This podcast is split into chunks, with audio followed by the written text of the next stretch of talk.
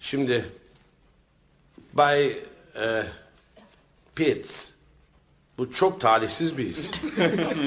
Bay Pitts neredesiniz? Bay Pitts kitabının sayfa 542'yi aç. O sayfadaki şiirin ilk dörtlüğünü oku. Vaktini iyi değerlendiren bakiredir mi? ya? Evet. Hadi. Size uygun değil mi? Vakit varken tomurcukları topla. Zaman hala uçup gidiyor. Ve bugün gülümseyen bu çiçek yarın ölüyor olabilir. Sağ olun Bay Pitts. Vakit varken tomurcukları topla. Bu duygunun latince ifadesi carpe diem. Ne demek olduğunu bilen var mı?